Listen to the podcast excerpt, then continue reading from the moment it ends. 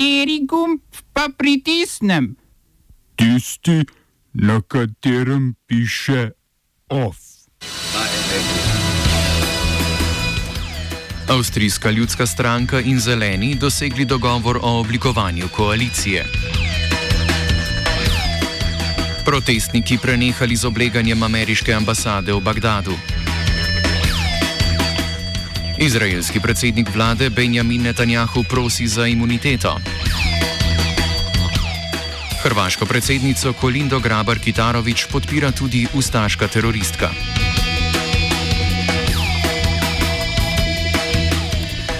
Avstrijska ljudska stranka pod vodstvom Sebastiana Kurca je z zelenimi pod vodstvom Wernerja Koglerja dosegla dogovor o oblikovanju koalicije. S tem dogovorom zeleni prvič vstopajo v avstrijsko zvezdno vlado, Kurc pa se tako vrača na kanclerski položaj. Večtedenska pogajanja so bila težavna predvsem zaradi davčne zakonodaje, okoljskih vprašanj, migracij ter politične transparentnosti. Pri tem sta obe stranki dosegli glavne točke svojih volivnih programov. Zeleni so dosegli uvedbo okoljskih davkov, konzervativna stranka pa znižanje davčnih obremenitev. Kurc je komentiral, da so tako združili najboljše iz obeh svetov, ter da bo mogoče braniti tako meje kot okolje. Da gre za nenavadno koalicijo, se strinja politolog Reinhard Heinisch z Solnograške univerze, ki konzervativno zeleno vlado razume kot še en parlamentarni eksperiment. This sets up an ex- interesting experiment in government formation, which we have not had in a Western democracy so far, and not in Austria. Because uh, not only are the two parties different on one dimension, on the economy, but they're different on two dimensions, on cultural issues as well. So the Conservative Party has moved far to the right on the economic front, so they want to deregulate, and they are stake the claim on being anti-immigration and more Eurosceptical. The Greens are exactly the opposite position. They are for regulating the economy and the environment, and they are fairly pro-immigration. Več o novi avstrijski vladi v offsajdu ob 17. uri.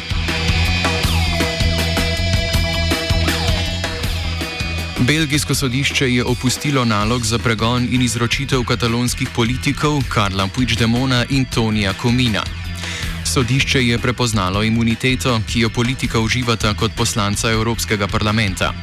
Puigdemon in Komin sta bila v Evropski parlament izvoljena maja lani, a ju ta do decembra ni prepoznal kot španska poslanca v Evropskem parlamentu. Puigdemon in Komin se namreč nista zglasila pred špansko volivno komisijo, kar je obvezen pogoj za imenovanje v Evropski parlament. Puigdemon je zaradi neimenovanja, oziroma se je zaradi neimenovanja pritožil na Evropsko sodišče, ki mu je decembra ugodilo in ga prepoznalo kot evropskega poslanca.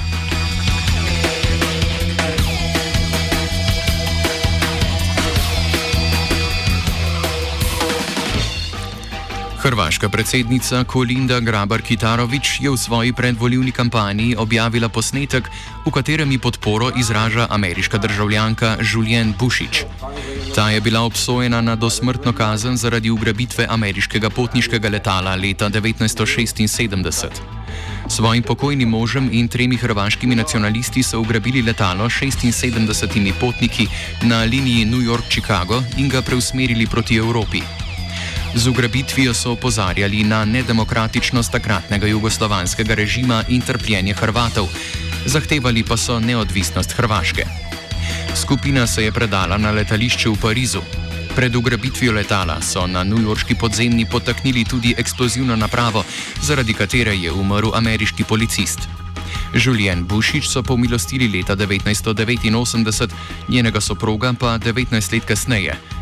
Ta je po izpustitvi storil samomor.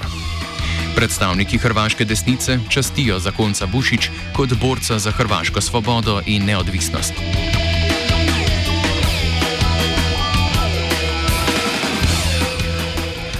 Izraelski predsednik vlade Benjamin Netanjahu bo v parlamentu uložil prošnjo za imuniteto, potem ko je bil novembra uradno obtožen podkupovanja, goljufije in zlorabe zaupanja. Izraelski zakon o imuniteti predsedniku vlade ne zagotavlja neposredne imunitete, lahko pa ta vloži prošnjo za imuniteto.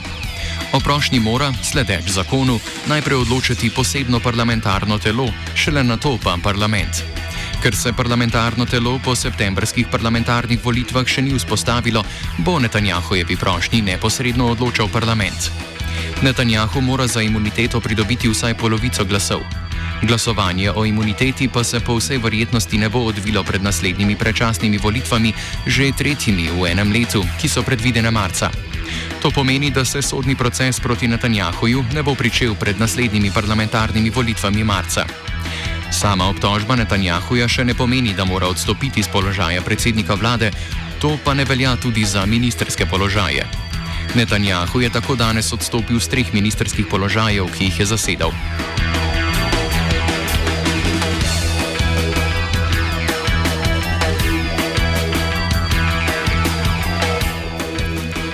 Protestniki so prenehali z obleganjem ameriške ambasade v Bagdadu.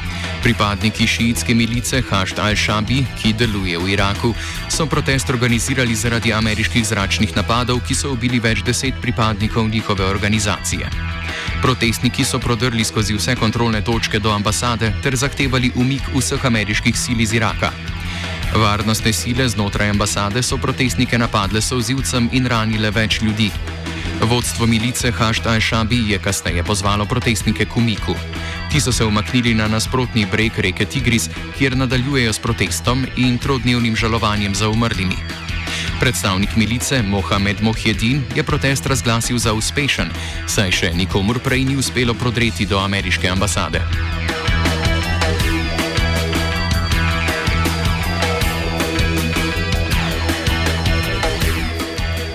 Otoška država Palau je prva na svetu prepovedala uporabo in prodajo krem za sončanje, saj škodujejo koralnim grebenom in živalskim vrstam, ki jih naseljujejo. Predsednik Tomas Esang Remenzao mlajši je ob tem izjavil, da je v večini sončnih krem vsaj deset sestavin, ki škodijo koralnim grebenom. Te sestavine delujejo kot endokrini motivci, ki negativno vplivajo na razvoj večine vrst koral, rib in alg. Morda še pomembnejši za zaščito koral pa je zakon, ki je v Palau prav tako stopil v veljavo ob novem letu in prepoveduje komercialni ribolov v 80 odstotkih tamkajšnje gospodarske cone.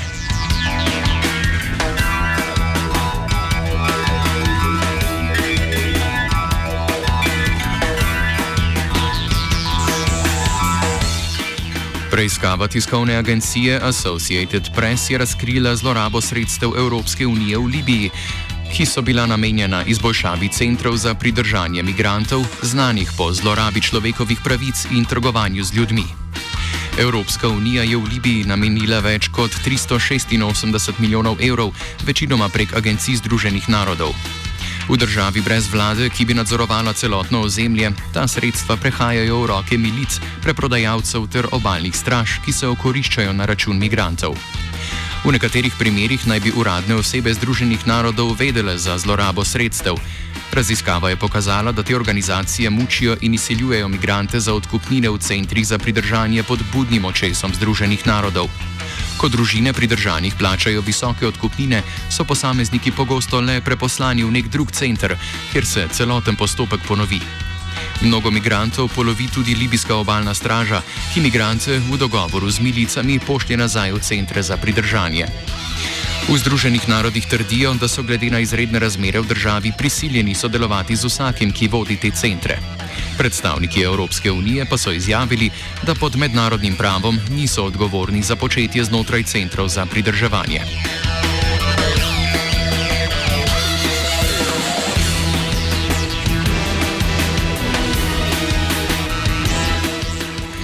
OF sta pripravila vajenec Aljaš in Lana. Proizvod najvišjega kakovosti.